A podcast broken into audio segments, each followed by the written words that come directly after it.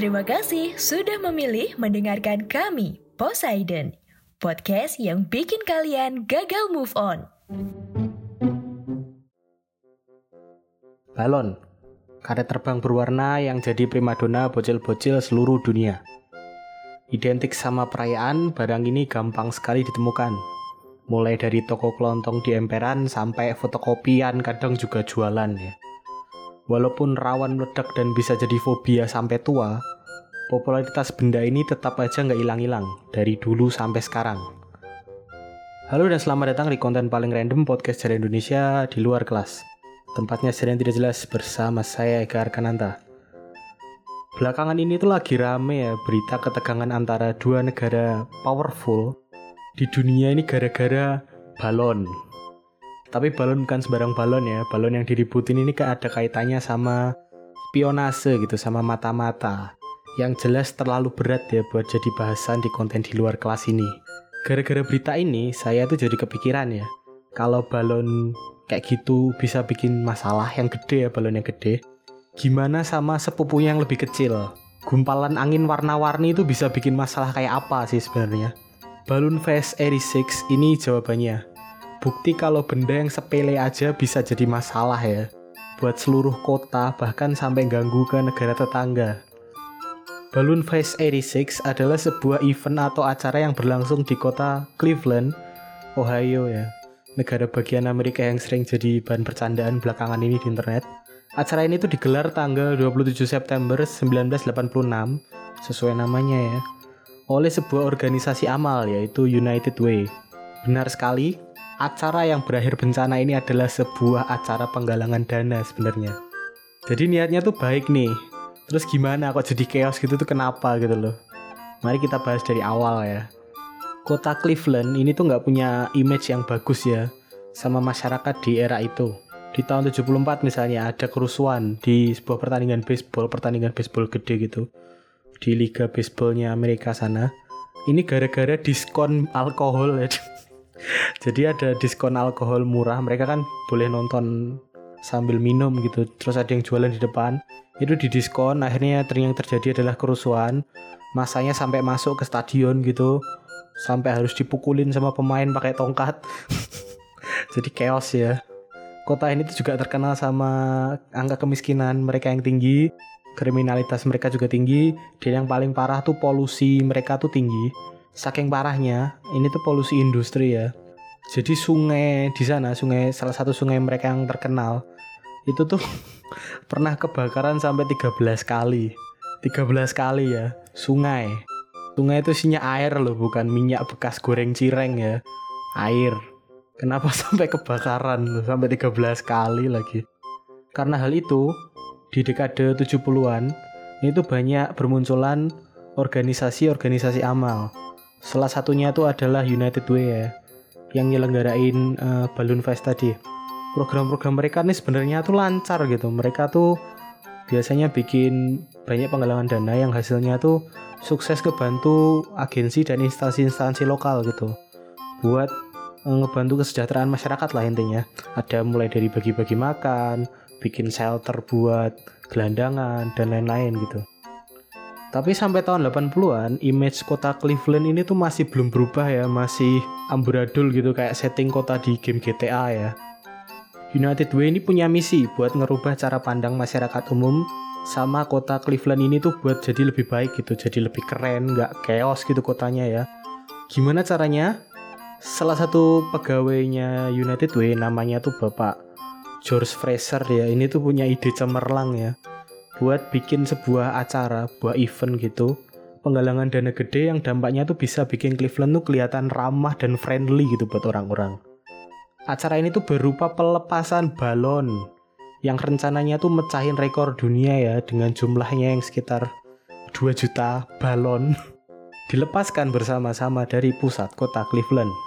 Acara ini tuh disambut baik ya sama pejabat sama pemerintah lokal tuh disambut baik, sama masyarakat Cleveland juga disambut baik banyak dari mereka bahkan jadi volunteer atau jadi sukarelawan gitu buat membantu mensukseskan acara ini gitu.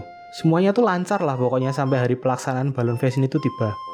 Sabtu 27 September 1986. warga ini udah rame ya, udah menuin di sekitar alun-alun kota Cleveland. Panitia dan sukarelawan juga masih sibuk niupin balon ya pada acara ini. Pakai helium ya, pakai gas helium tuh, bukan pakai tangan, bukan pakai mulut gitu. Nanti malah pada gondongan masal ya kalau pakai mulut kan. Di atas alun-alun ini udah ada sekitar 1,4 sampai 1,5 juta balon. Itu tuh yang udah ditiup dan melayang gitu ya, yang ditahan sama sebuah jaring besar yang disiapin sama panitia acara. Jadi waktu ngelepasin tuh tinggal ditarik jaringnya gitu langsung terbang semua jadi udah tinggal nunggu pelaksanaannya aja lah pokoknya acara ini tuh udah sukses gitu udah hampir selesai hampir jadi tiba-tiba muncullah sebuah masalah masalah yang harusnya itu udah disiapin ya dari jauh hari sama panitianya ada awan badai itu yang bergerak ke arah kota Cleveland yang bikin panitia ini akhirnya harus ngerubah rencana mereka ngebatalin jumlah rencana yang awalnya 2 juta yang diterbangin akhirnya adalah balon-balon yang udah ada aja gitu. Karena ternyata nggak sempat waktunya buat menuhin target yang 2 juta tadi. Jam 1.50 siang, hampir jam 2 ya. Jutaan balon ini tuh akhirnya diterbangkan ke angkasa.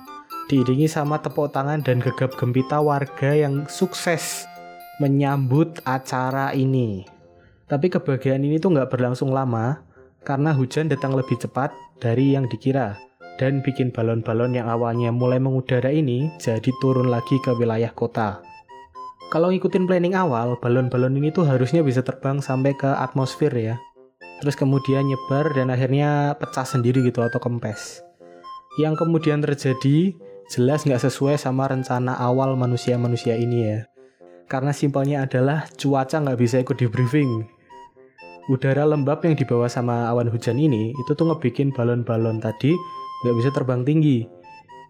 Akhirnya terjadi adalah balon-balon itu nyangkut di atap rumah, nyangkut di pohon, nyangkut di kabel listrik, bikin mati lampu, terus pada terbang-terbang di jalan gitu bikin kecelakaan, ada yang nyolong jemuran, pokoknya chaos lah di sana lah. Ini tuh masih contoh-contoh ringan ya. Sekarang kita akan bahas kasus-kasus berat yang berujung tuntutan ke pengadilan gara-gara balon-balon ini.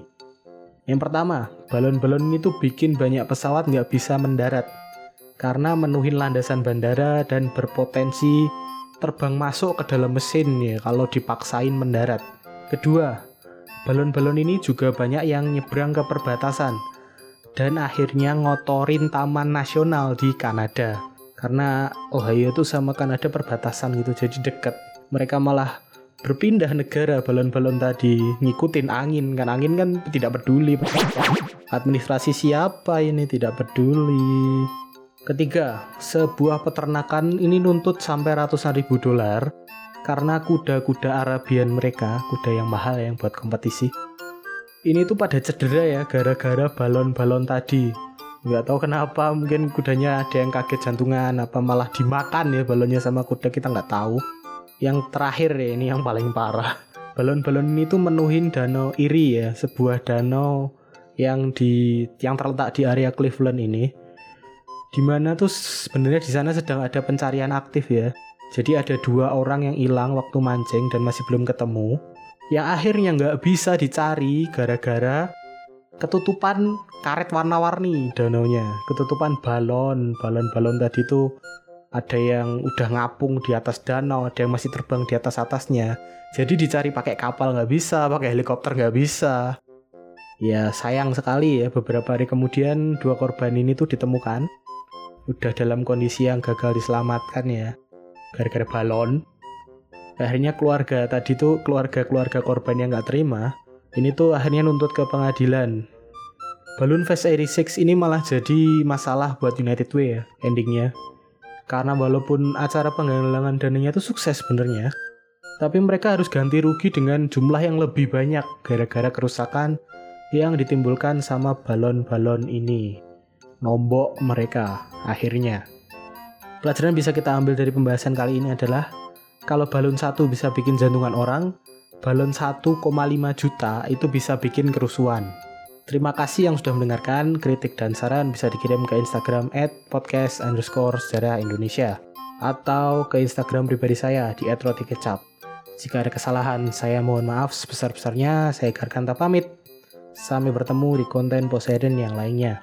Bye-bye.